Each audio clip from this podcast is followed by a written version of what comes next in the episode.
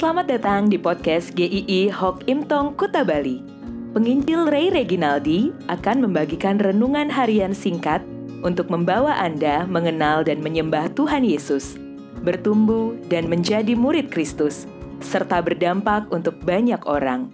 Jika Anda merasa diberkati melalui renungan ini, silahkan bagikan podcast ini agar orang lain juga diberkati. Inilah renungan hari ini.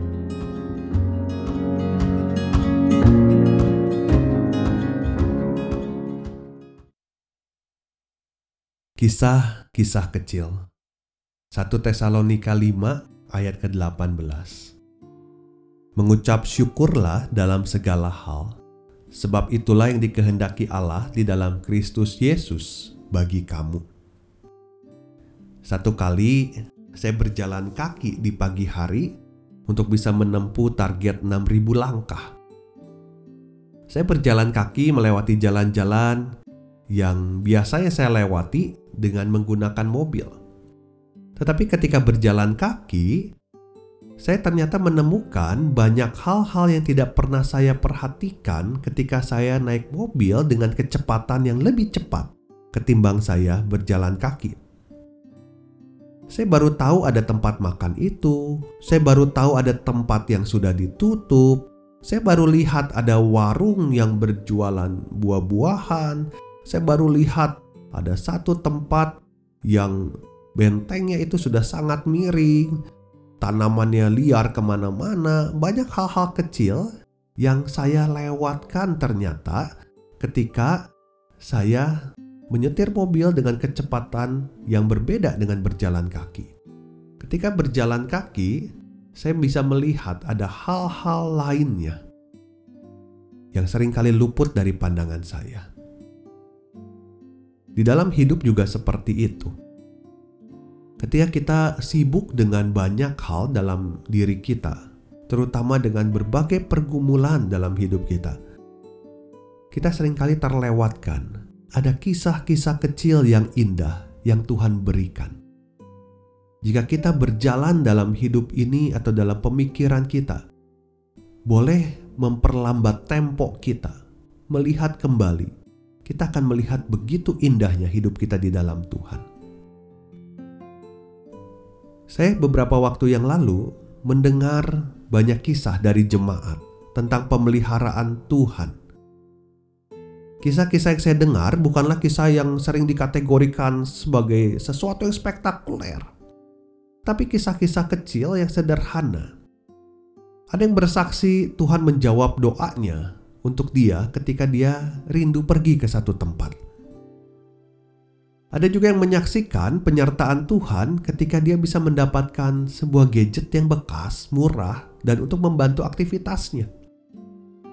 Yang lain ada juga yang menuturkan betapa ajaibnya Tuhan ketika mengizinkan dia untuk dapat tiket pesawat yang pas dengan budgetnya, dengan kantongnya. Dan ada hal-hal lain yang saya temui betapa orang bisa melihat akan kisah-kisah kecil bersama Tuhan. Kalimat yang serupa yang mereka katakan kurang lebih seperti ini. Padahal permintaan saya sederhana loh, tetapi Tuhan mengabulkannya. Puji Tuhan. Kita sudah sering mendengar perintah, mengucap syukurlah dalam segala hal. Mungkin ada orang yang protes, gimana bisa mengucap syukur keadaannya lagi sulit gini? Mengucap syukur dalam segala hal tidak sama dengan mengucap syukur untuk segala hal. Anda tidak akan diminta untuk mengucap syukur ketika anak Anda sakit parah lalu berkata, "Saya bersyukur anak saya sakit parah." Tidak. Anda tidak diminta untuk mengucap syukur ketika Anda untuk kebangkrutan Anda. Saya bersyukur karena saya uangnya habis semua, perusahaan saya tutup semua. Tapi mengucap syukur dalam segala hal artinya dalam segala kesulitan yang dihadapi bisa tetap melihat ada kebaikan, penyertaan Tuhan dan untuk itu bisa bersyukur. Ketika anak Anda sakit masuk rumah sakit, Anda tetap bersyukur karena pasti ada penyertaan kebaikan Tuhan. Ketika perusahaan Anda bangkrut, harus tutup, Anda dapat bersyukur karena ada pemeliharaan Tuhan yang akan memelihara tetap hari demi hari. Kebaikan dan penyertaan Tuhan bukan selalu dalam hal-hal besar dan spektakuler, tapi dalam hal-hal sederhana pun ada penyertaan pemeliharaan Tuhan.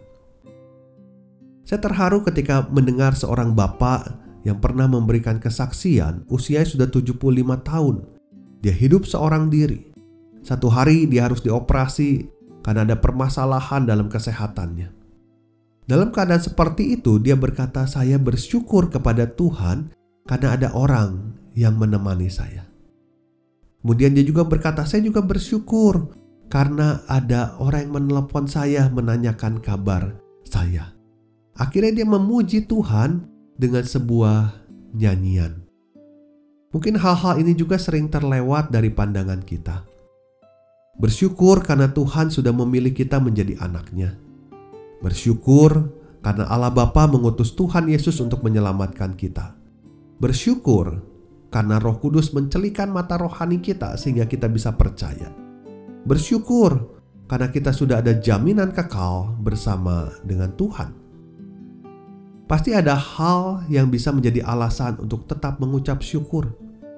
Jangan luput dari kisah-kisah kecil yang Tuhan nyatakan dalam hidup kita setiap harinya. Mungkin ketika anak Anda sakit, tapi dia masih bisa tersenyum.